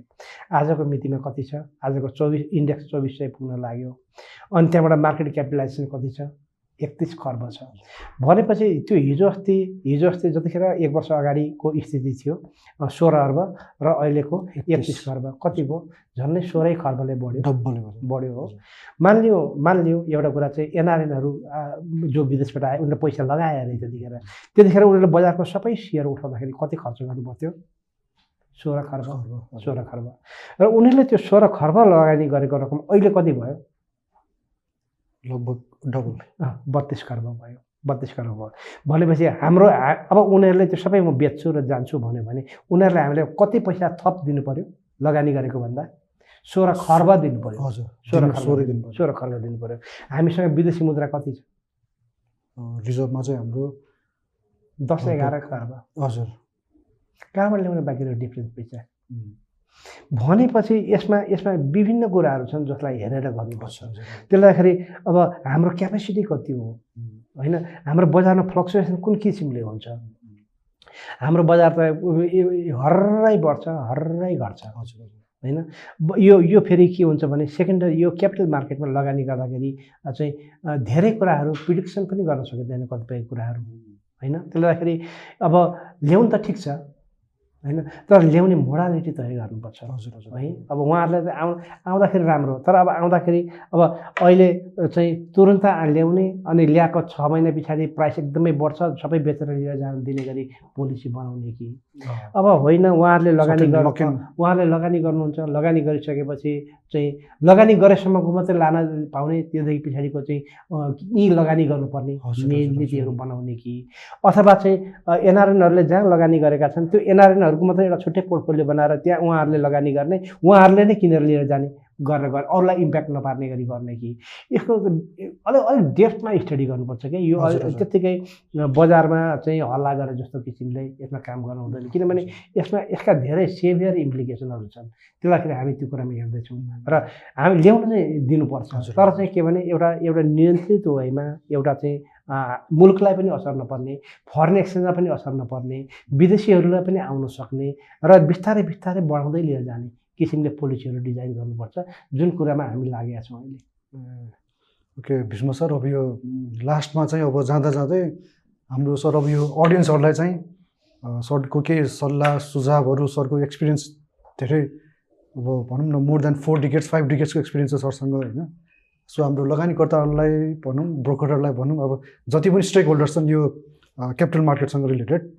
उहाँहरूलाई के सल्लाह सुझाव अथवा सरको के इन्फर्मेसनहरू के दिन चाहनुहुन्छ भने एकदम एकदम ठिक छ। अहिले अहिले यसो छ। अहिले अहिले चाहिँ अब यो अहिलेको एक वर्षको दौरानमा मैले हेरेको इन्भेस्टरहरू इन्भेस्टरहरू पनि के अरे बजारमा राम्रैसँग सक्रिय सहभागिता गर्नुभएको छ। ब्रोकरहरू पनि सक्रिय सहभागी छन्। नेप्सेले पनि आफ्नो कामहरू गरिरहेछ सिडिएसले पनि गरिरहेछ ब्याङ्कहरूले पनि गरिरहेछन्। बजार अहिले ठिकै छ। यसमा यसमा सबैले आफ्नो कुराहरू गरेका छन्। यसमा अझै टेक्नोलोजिकल पार्टमा उहाँहरू इम्प्रुभमेन्ट इम्प्रुभमेन्ट गर्नुपर्छ। र एउटा कुरा चाहिँ मलाई सबैभन्दा लागेको चाहिँ के हो भने जुन लगानीकर्ताहरू हुन्छन् नि लगानीकर्ताहरू सबै एकै खालका छैनन्। लगानीकर्ताहरू सबै एक एउटै आर्थिक क्षमता र हैसियत भएका छैनन्। लगानीकर्ताहरू सबै एकै खालका टेक्नोलोजिकल एक्सपर्ट र चाहिँ शिक्षा भएका पनि छैनन्। त्यसले गर्दाखेरि लगानीकर्तालाई सबैभन्दा पहिला चाहिँ के गर्नुपर्छ भने मेरो आफ्नो क्षमता कति हो? म यसमा चाहिँ जोखिममा परेँ भने म म कत कुन लेभलसम्मको चाहिँ जोखिम मैले उठाउन सक्छु? र मैले मैले चाहिँ मैले चाहिँ यदि घाटै पऱ्यो भने पनि मलाई अप्ठ्यारो पर्छ कि पर्दैन?